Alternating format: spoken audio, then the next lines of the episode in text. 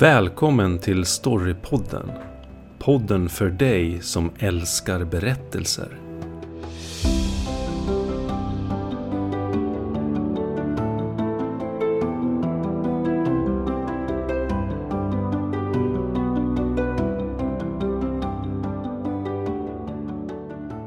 Visste du att i den amerikanska filmindustrin i Hollywood så finns det manusförfattare som har arbetat som manusförfattare hela sina liv. Kontinuerligt tjänat pengar på detta men aldrig fått se sina egna manus och berättelser ute där på den vita duken, i biosalongen eller i TV-apparaten. Hur kommer det sig? Bland annat så ska vi prata om detta och eh, hur det är att vara manusförfattare idag. Manusförfattaren är den film och tv-branschens obesjungna hjälte. Det ska vi kåsera lite kring. Eh, vi får se vart det här avsnittet tar oss. Vi kommer att prata lite om våra egna erfarenheter som manusförfattare. Eh, ta upp lite anekdoter från våra egna karriärer och liv. Men också då försöka mer att eh, nysta lite kring det här med vad är en manusförfattare? Vad gör den? Hur ser branschen ut? Vilka möjligheter finns det? Och så vidare. Så vi får se vad det här tar oss. Vi sätter igång. Och det här med manusförfattare, Rickard. Hur kommer det sig för dig? Varför kom du in Varför på det här? sysslar jag med det? Ja. Ja, alltså... Jag har ju skrivit romaner tidigt. Jag höll på med det mycket när jag var yngre och sådär. Sen eh, började jag skriva film när jag var runt eh, 27, 26, ja 26-27 kanske, något sånt där. Kom in på det mer och mer och eh, varit intresserad av eh, ja, alltså karaktärsbyggnad och lite sådana saker liksom. Hur man gestaltar på film så. Naivt nog, alltså nu, nu, nu är jag tokärlig här, så trodde jag väl att det skulle vara lättare att ge ut filmmanus och än eh, romaner då. Vilket inte stämde, kom jag på ganska snart. Men eh, jag varit lite biten ändå att hålla på med det där så... Så eh, skrev flera stycken manus på spec då, som man säger. Men... Eh, Jobbade med regissör, ja, regissör och produktionsbolag och sådär och försökte få fram mina egna alster så. Men nu, nu, för, nu alltså, sen några år tillbaka så, så är jag tillbaka till romanskrivandet igen. Mest, mest liksom. För det är egentligen där jag har mitt hjärta om man ska vara ärlig. Men film är alltid kul alltså. Jag skulle gärna skriva tv-serie också. Så. Men eh, själv då? Vad... Ja, nej men det är väl en eh, liknande upplevelse och erfarenheter. Det är väl från början att man är intresserad av berättelser och att man börjar skriva själv liksom Mm.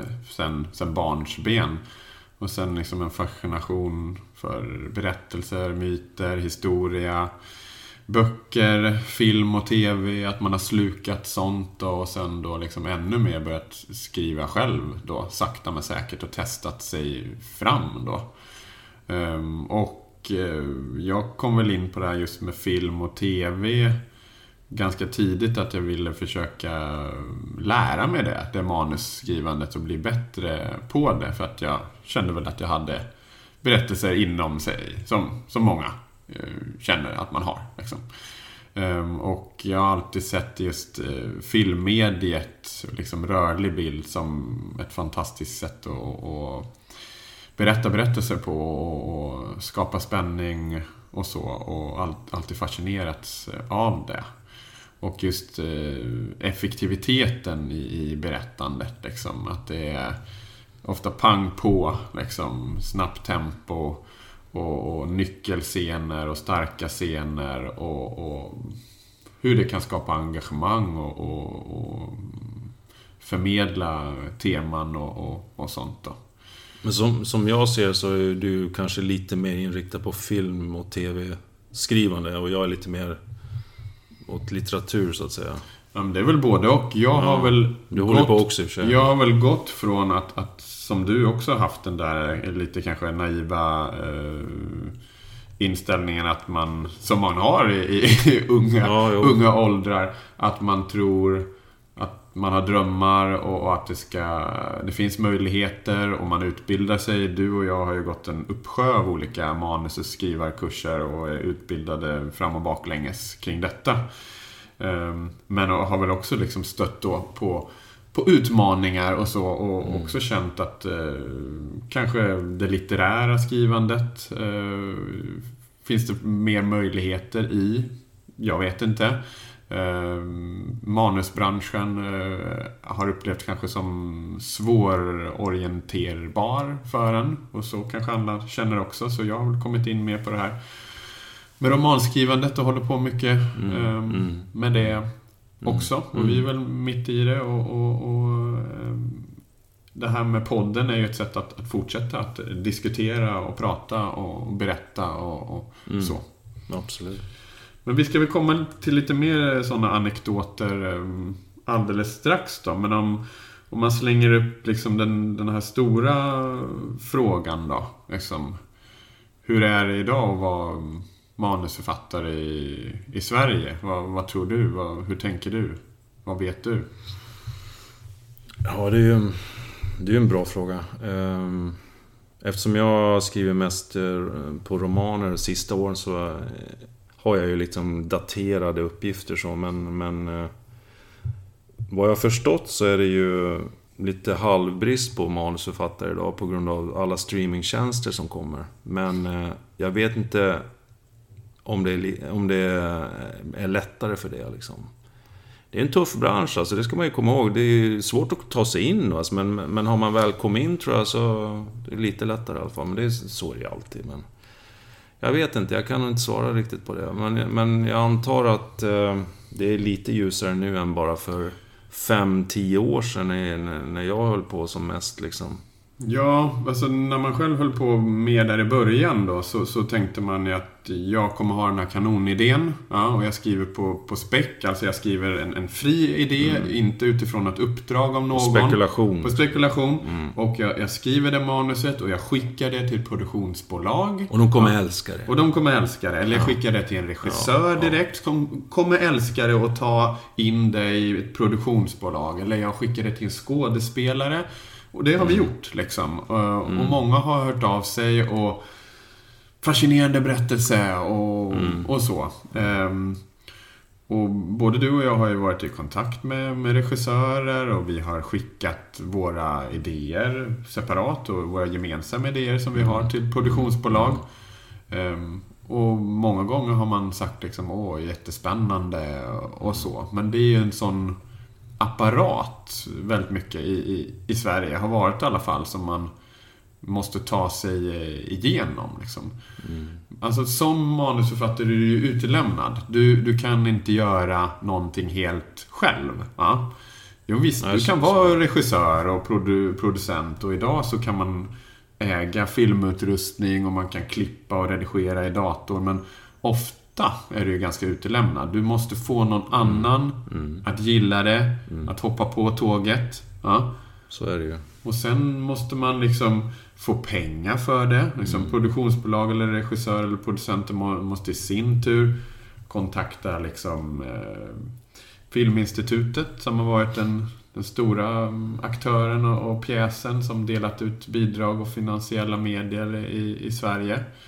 Och du måste ha kontakt med eh, biografbranschen har det varit förut. Det har varit en otrolig apparat då. Ehm, nu kanske det har öppnat sig lite mer med, med streamingtjänster. Det är det man läser lite om i alla fall då. Ehm, man läser också i USA om, om fler öppningar och att manusförfattaren har fått större roll där. Stör, starkare roll. Mer Och, sen, och dessutom teknologin har ju också öppnat upp för billigare produktioner. Man kan dra ner kostnaden på saker och ting genom att folk kanske äger sina egna eh, kameror. Man kan filma på ja, billigare, alltså billigare nivåer idag än förr. Alltså när man hade riktig film och allt sånt där. Det var ju svindyrt. Visst, det var ju bara de stora bolagen som Ja, hade ja visst. Och, ägde då, de grejerna. och på den tiden var det ju Filminstitutet som satt som, Mm som eh, ja, vad ska man säga, flaskhals där. Och bestämde vilka få som skulle få göra film.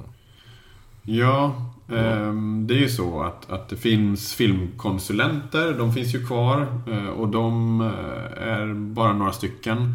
Och de har haft väldigt stor makt att eh, tycka ja och nej på olika manus eller eh, filmidéer som har kommit in.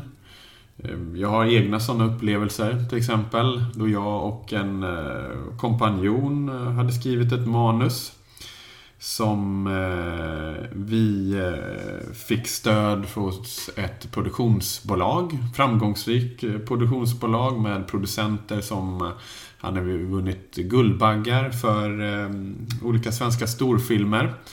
De gillade vår idé. Eh, vi höll på att tweaka lite på idén, på synopsis. Vi hade inte riktigt ett helt klart manus, utan vi hade ett längre treatment. Och eh, tillsammans med det här produktionsbolaget så, så skickade vi in liksom en, kan man säga, en slags ansökan då till Filminstitutet för manusutvecklingsstöd. Då. Så vi ville ha liksom lite pengar för att utveckla manuset vidare så att det kunde få liksom, ja, men typ 100 sidor långfilmsformat. Då. Eh, och vi fick träffa en eh, filmkonsulent som gillade idén, gillade den jättemycket. Och vi fick pengar. Ja för att eh, utveckla det här manuset vidare. Och det gjorde vi. Eh, och det fanns två steg i det där. Man kunde få en, en pott först och sen ytterligare en pott. Och vi utvecklade manuset vidare. Eh, och eh, så skulle vi ansöka om den här andra potten då. Och då, mitt i den vevan, då hade den här första filmkonsulentens tjänsteperiod tagit slut. Då. Man sitter på ett eller två år eller tre år eller vad det nu är. Då. Ja. Och då kom det en ny filmkonsulent. Då. Men den första filmkonsulenten, han hade skrivit väldigt positivt om vår idé. Ja. Och sen skickade vi in det här då, och så kom den nya filmkonsulenten. Nej. Vi gillar det inte alls. Nej. Ja. Vi fick böna och be om ett möte. Ja. ja. Först fick vi väl något på mail. Ja behövde det och det. Så skrev vi lite till. Så fick vi ett möte. Man fick åka till Filmhuset efter mycket om och men. Vi sitter på hans kontor där med någon, kopp kaffe. Och så ja. sa han si och så. Ja. Och sen tror jag vi skickade in någonting mer och sen var sagan slut. Liksom. Och sen gick hela luften ur det, det projektet. Liksom. Ja.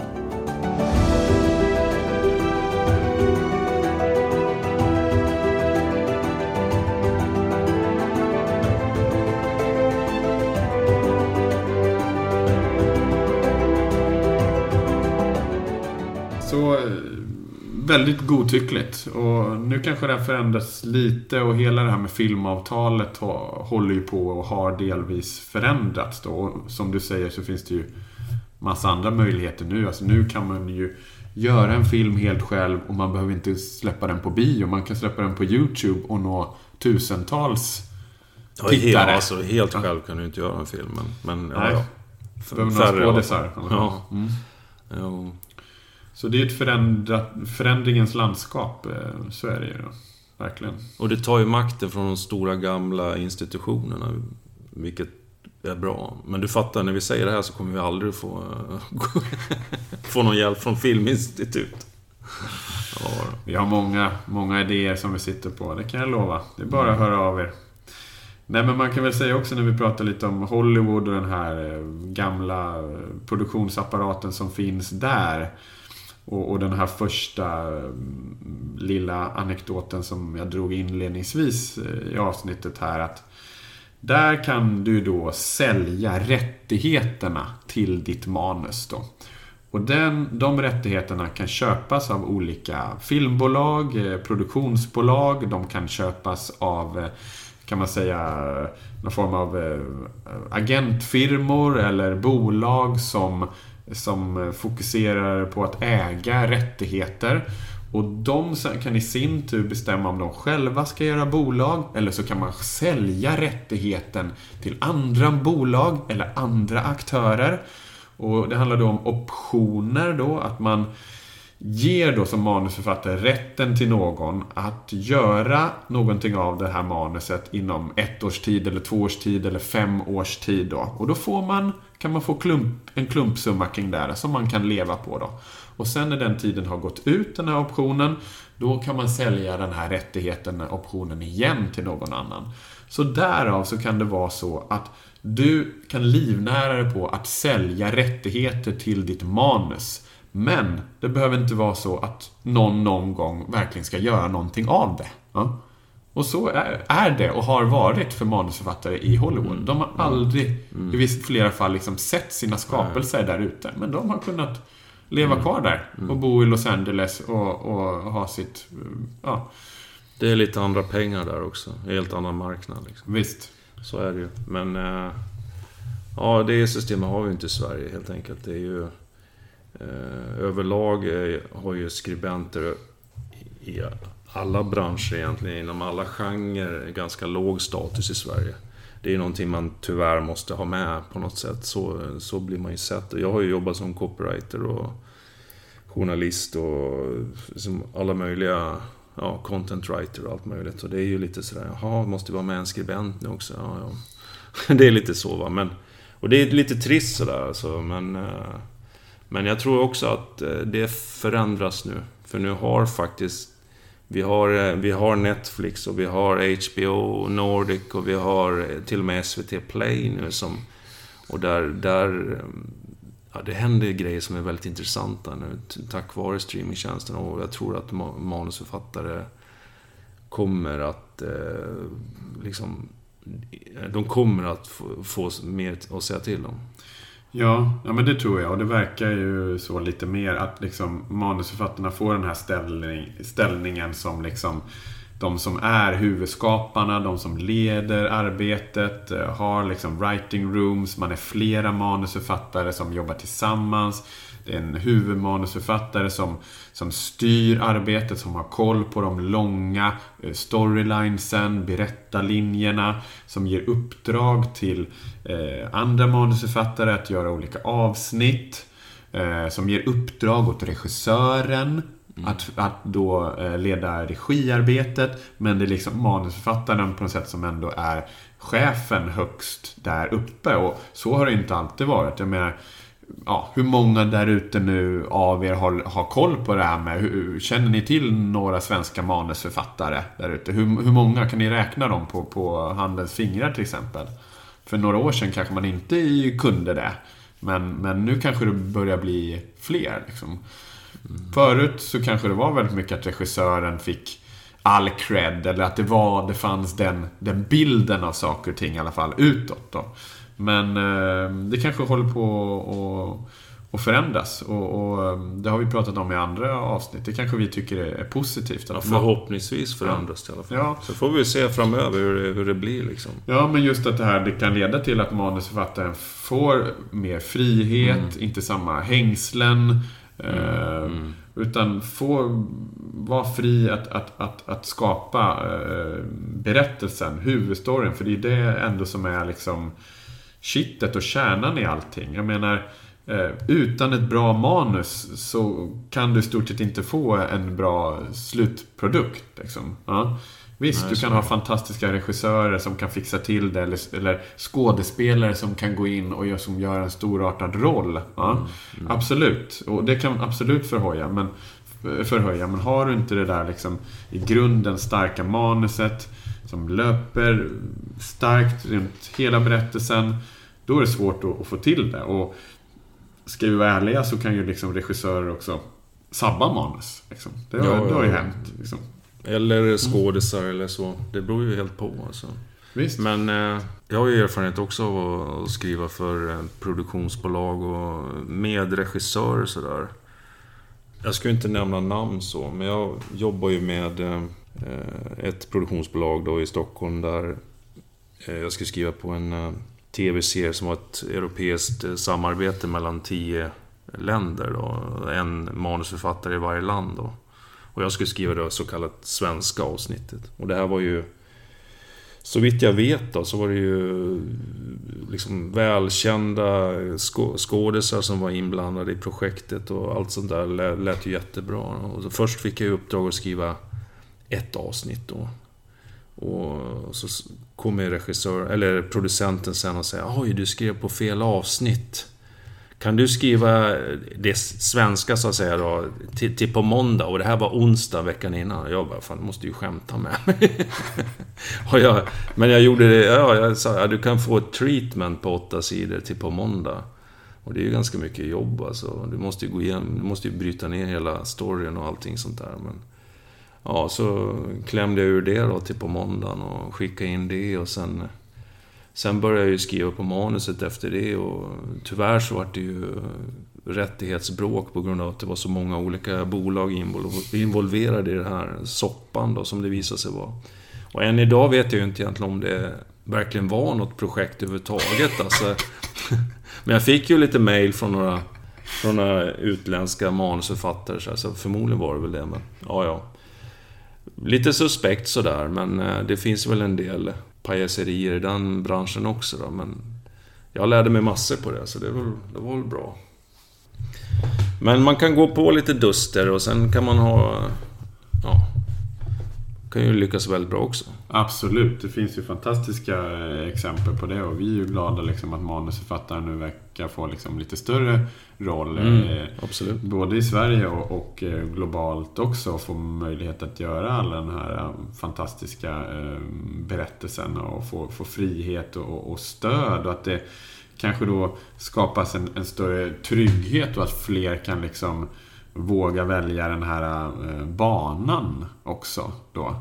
Ehm, som var kanske lite mer eh, fylld av hinder och utmaningar för ett antal år sedan än, än vad den är ehm, just eh, nu. Ehm, jag hoppas att det är så. Jag läser liksom positivt nu med flera som, som, som kommer fram och också väldigt starka tv-serier som, som skapas med liksom svenska manusförfattare i, i huvudsätet. Liksom. Eh, Tunna blå linjen till exempel är ju ett sånt exempel här senast. Mm, mm. Den svenska polisserien eh, utspelar sig i Malmö som jag hoppas att ni har sett. Men jag tror också att det är, det är ett tecken på att någonting håller på att förändras. Mm. För att förut, lite tidigare, hade vi autören. Mm. Som gjorde allting. Mm. Det vill säga att regissörerna skulle skriva sina egna manus. Och det var något heligt över det. Man ja. fick knappt... Det var ju svårt att få in en fot som manusförfattare. Ja. Och komma emellan där. Och mm. få regissören att inse att du ska inte skriva. Mm. Utan du ska regissera. Och jag tror det håller på att luckras upp.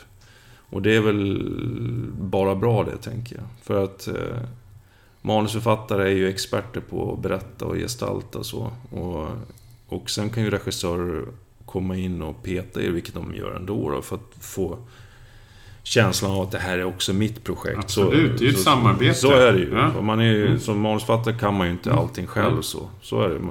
Men jag tror också att det, det, det är någonting i det. Att, att, att eh, synen på det har förändrats lite grann och att man inser kanske mer att vi behöver någon författare i, i projektet.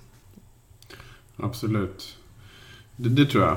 Eh, och, och, och, att det har höjt då ställningen för manusförfattare också. För, ja, jo. för ett antal år sedan så kanske inte var lite, lika högt. Och, och, jag vet att jag läste också en hel del om det här med just eh, såpa, svensk såpaindustri och, och de olika ja, tv-såporna som var en väg in för många manusförfattare. Många unga som fick sina första jobb där och mm. fick harva.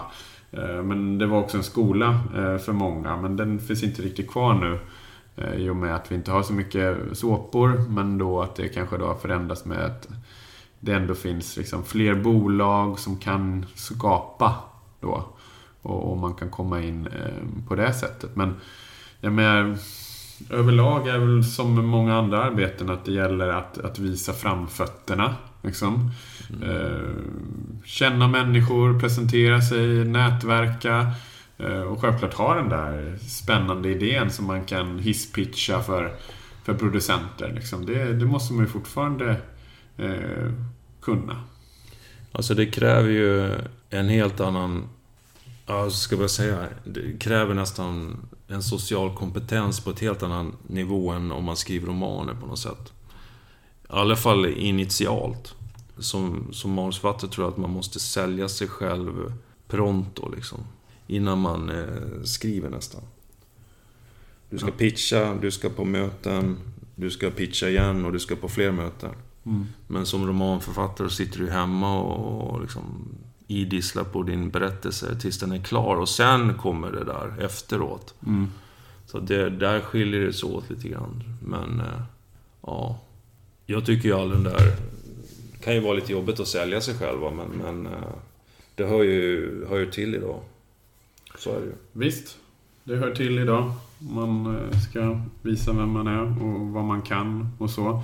Och sen hoppas man då att man ska komma in genom det här nålsögat och, och, och kanske bli något namn eller uppskattat för något och sen få då lite fler uppdrag helt enkelt. Och att folk eh, ringer till en och frågar om du kan skriva det här avsnittet eller vara med på den här säsongen. Eh, Och det kanske öppnas fler och fler möjligheter för det nu med allt fler tv-serier. Då. Men det... Ja, vi har ju flera eh, kompisar också som har kommit in på det sättet och får allt mer fler spännande Mm. uppdrag Ja, nu. Och det är ja. fantastiskt kul. Och, och kanske finns det en Mm. möjlighet här i Storypodden framöver att prata lite närmare med någon eller några av dem på något sätt och få höra av deras upplevelser. Ja, men det se. måste, vi, det måste vi göra.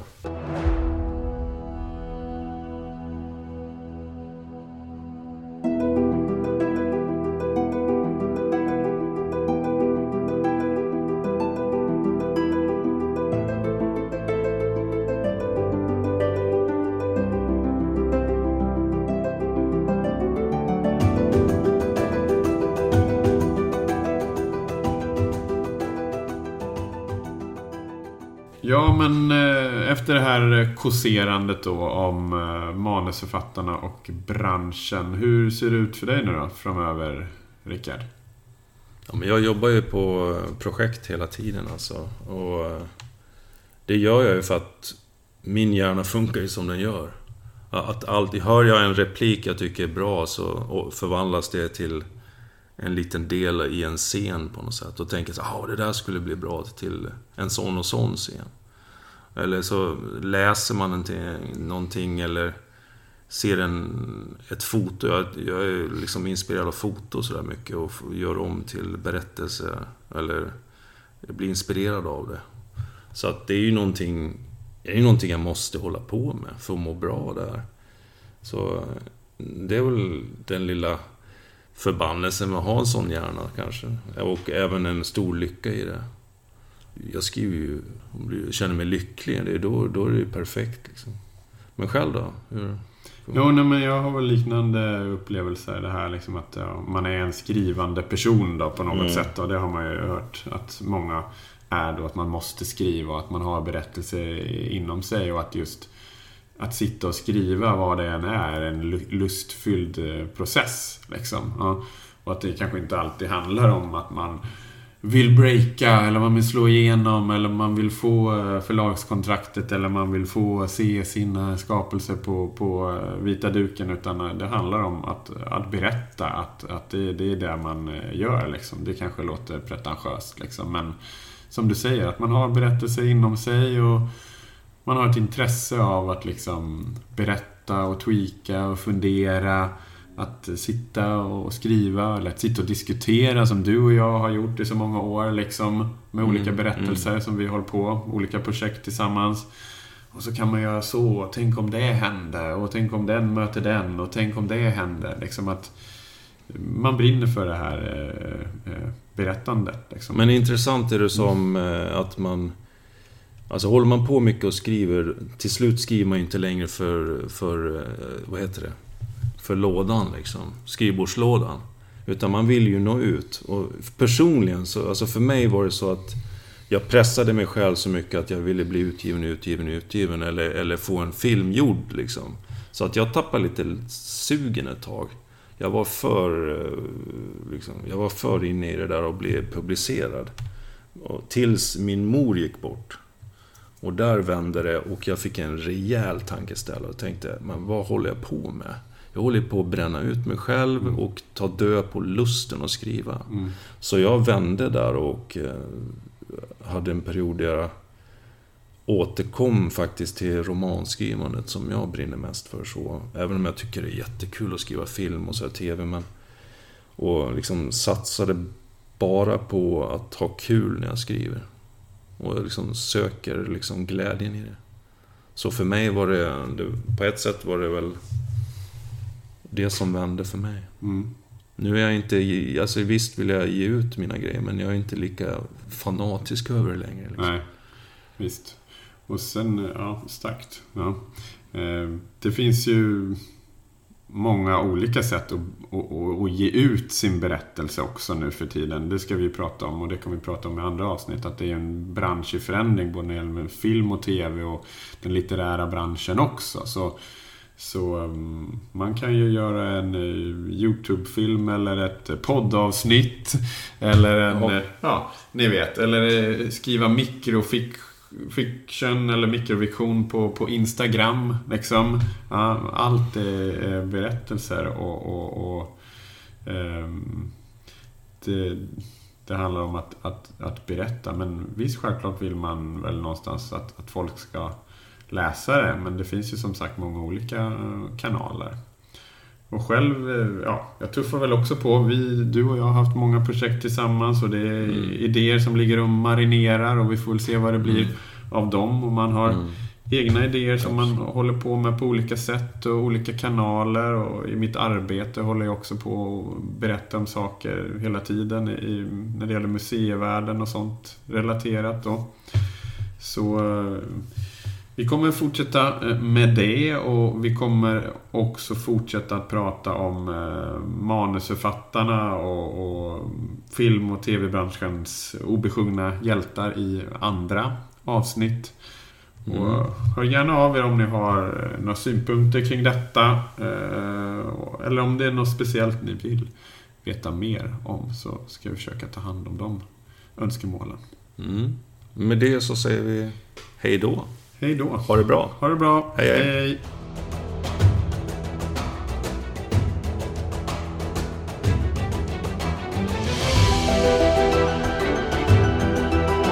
Du har lyssnat på Storypodden med Rickard Eklund och Olof Tiderman. Fler avsnitt, mer info och tips hittar du på www.storypodden.se. Vi finns även på sociala medier i form av Facebook, Twitter och Instagram.